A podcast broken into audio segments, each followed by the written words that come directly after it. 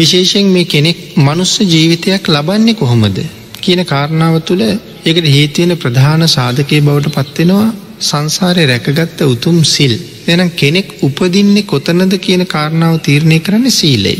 ඊට පස්සේ ඉපදුනාට පස්සේ ඒ පුද්ගලයාට ලැබෙන්න මොනවද කියන කාරණාව තීරණය කරන්නේ දානය. සමහර වෙලාවට මනුස්සලෝක ඉපදිච්ච සමහරාය. අපි දකිනවා බොහොම දුප්පත් ජීවිත ගත කරනවා. බොහොම අමාරුවෙන් වේල කාලා ජීවත්වෙන්නේ.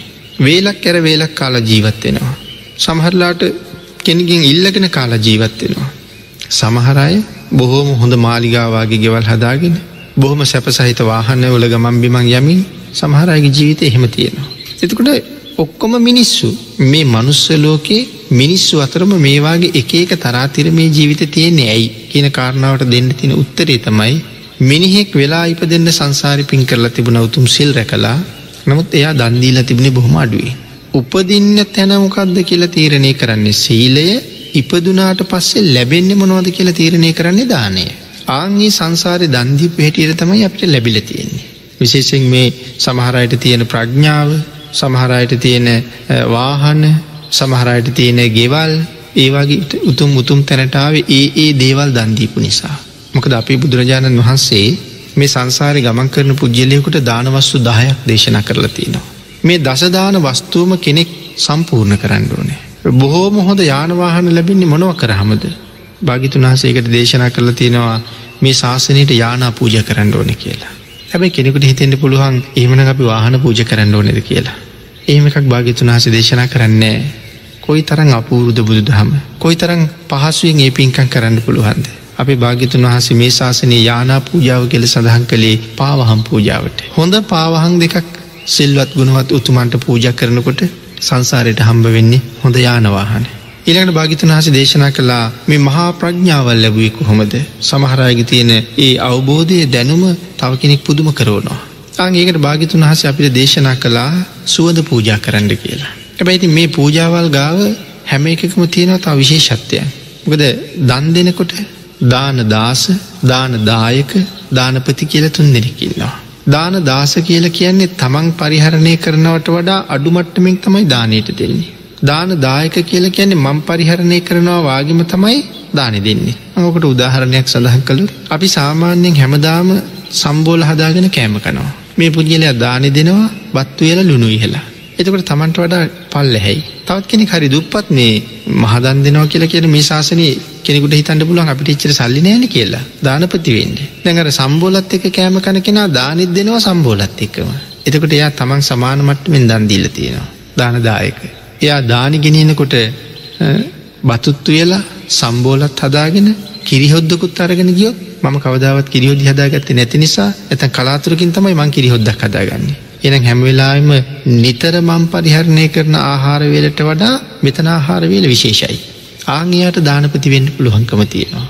ඇතු නැත්තන් කෙනෙක් හිතන්න පුළුවන් අපිට එච්චර සල්ලිනය කියලා නෑ තමන් පරිහරණය කරනවට වඩා තමන්ගේ ප්‍රමාණයට උසස් කලානං යාදානපති වෙන. එතකොට ම මේ කාරණාව මෙතන සඳහන් කළේ මේ සුවඳ පූජාවෙන් ප්‍රඥාව ලැබෙනව කියලා. සාමාන්‍යයෙන් අපි දල්වන සුවඳ කූරකින් එතෙන්ට යන්න පුළුහන්ද කියෙන ප්‍රශ්නයනවා. හේතුව තමයි රුපියල් සීයක් එකසි පණහක් දේල්ල සුවඳ කූරු ටිකක් අරගෙන සුවද පූජා කරන්න යන අපි. අපි ඇඟට පාවිච්චි කරලා තියෙනවා හාර පන්දහක් වටන සුවඳ වර්ගයක්.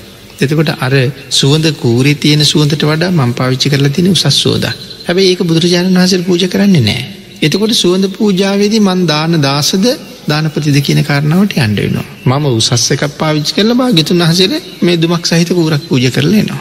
එහෙම දේවල්ලින් ප්‍රඥාව ලැබෙනවා කියලන මේ සඳහන් කළේ ඒකන හම්බෙන්න්න පුළුවන් මට කවදාවත් කිසිම සුවදක් පාවිච්චි කරන්න නැත්තන් හඳුකුරත් වටි ඒක නමුත් එහෙම නැත්තන් උසස් සුවඳකට යනකට එහෙම වෙන්ඩෝනේ ප්‍රඥාව මූලික වෙන්ඩෝන පින්කම මුදුම් පත්වෙන්න හරියටම සම්පූර්ණ කරගන්නට. ඉළඟට මේ ධාරණ ශක්තිය සමත් හමහර කෙනට පුද්දුම මතක ශක්තියක් තියෙනවා. එක පාරයි කියන්න ඕනේ. එතට කොහොමදේ ධාරණ ශක්තිය ලැබුණේ අපි භාගිතුන් හස සඳහන් කලා ධාරණ ශක්තිය ලැබෙන විශේෂ පින්කං අතර මේ පාත්‍රා ආධාරකවාගේ දේවල් පූජ කරහම ධාරණ ශක්තිය ලැබෙනවා. අපේ ශාසනය ගිහි බහුශ්ෘත ශ්‍රාවිකාවන්න අතර අග්‍රස්ථානය ලැබුවේ කුජ්ජුත්තරා. ඇ දාසිය නමුත් පුදුම ධාරණ ශක්තියක් තිබුණ එක බණක් අහලා එක හොඳට මතක හිටලා ඒ බණ තමයි සාමාවති දේවී ඇතුළ පිරිසට ඉගැන්වේ. එක පාරක අහපු බන් එතර මොකක්ද ඒ සංසාර කරපු පින්කම කියල සඳහන් කළා පසේ බුදුරජාණන් වහසලට දානයක් දුන්න. දෙවුණට පාත්‍ර රත්වනා දාන බෙදුවට පස්සේ. හරි අමාරුයි බව දැනගත් අතීතියාගෙනට. ඒද තමන් ගවතිබුණ රත්තරං වලලු අටක් ඒවල්ලුවට ගලෝලා එහෙමම දන්දුන්න ස්වාමිනි මේ මත පාත්තරී තියගන්න කියලා. ආංගේ පින නිසා තමයි අරතරං ධර්ම ශක්තියක් ලැබුණේ. ආං ඒ වගේ මේ කරුණු ටික සිහිපත් කළේ අපේ බුදුරජාණන් වහන්සේ අපිට මේ සංසාර ජීවිතය මුදුම් පත් කරගන්නට දසදානවස්තුවක්ම දේශනා කළා. නිවන හොයාගෙන යන කෙනා මේ දානවස්තු දහයම සම්පූර්ණ කරන එක හරි වටිනවා එතකොට ඒ ගමන අඩු පාඩු නෑ. ආගේ නිසා මේ මනුස්ස ජීවිතයක් සීලේ නිසා ලැබුණ ලැබිච්ච ජීවිතයේ මේ මේ විදිහට පෝෂණය වෙන්නේ දන්දීපු නිසා.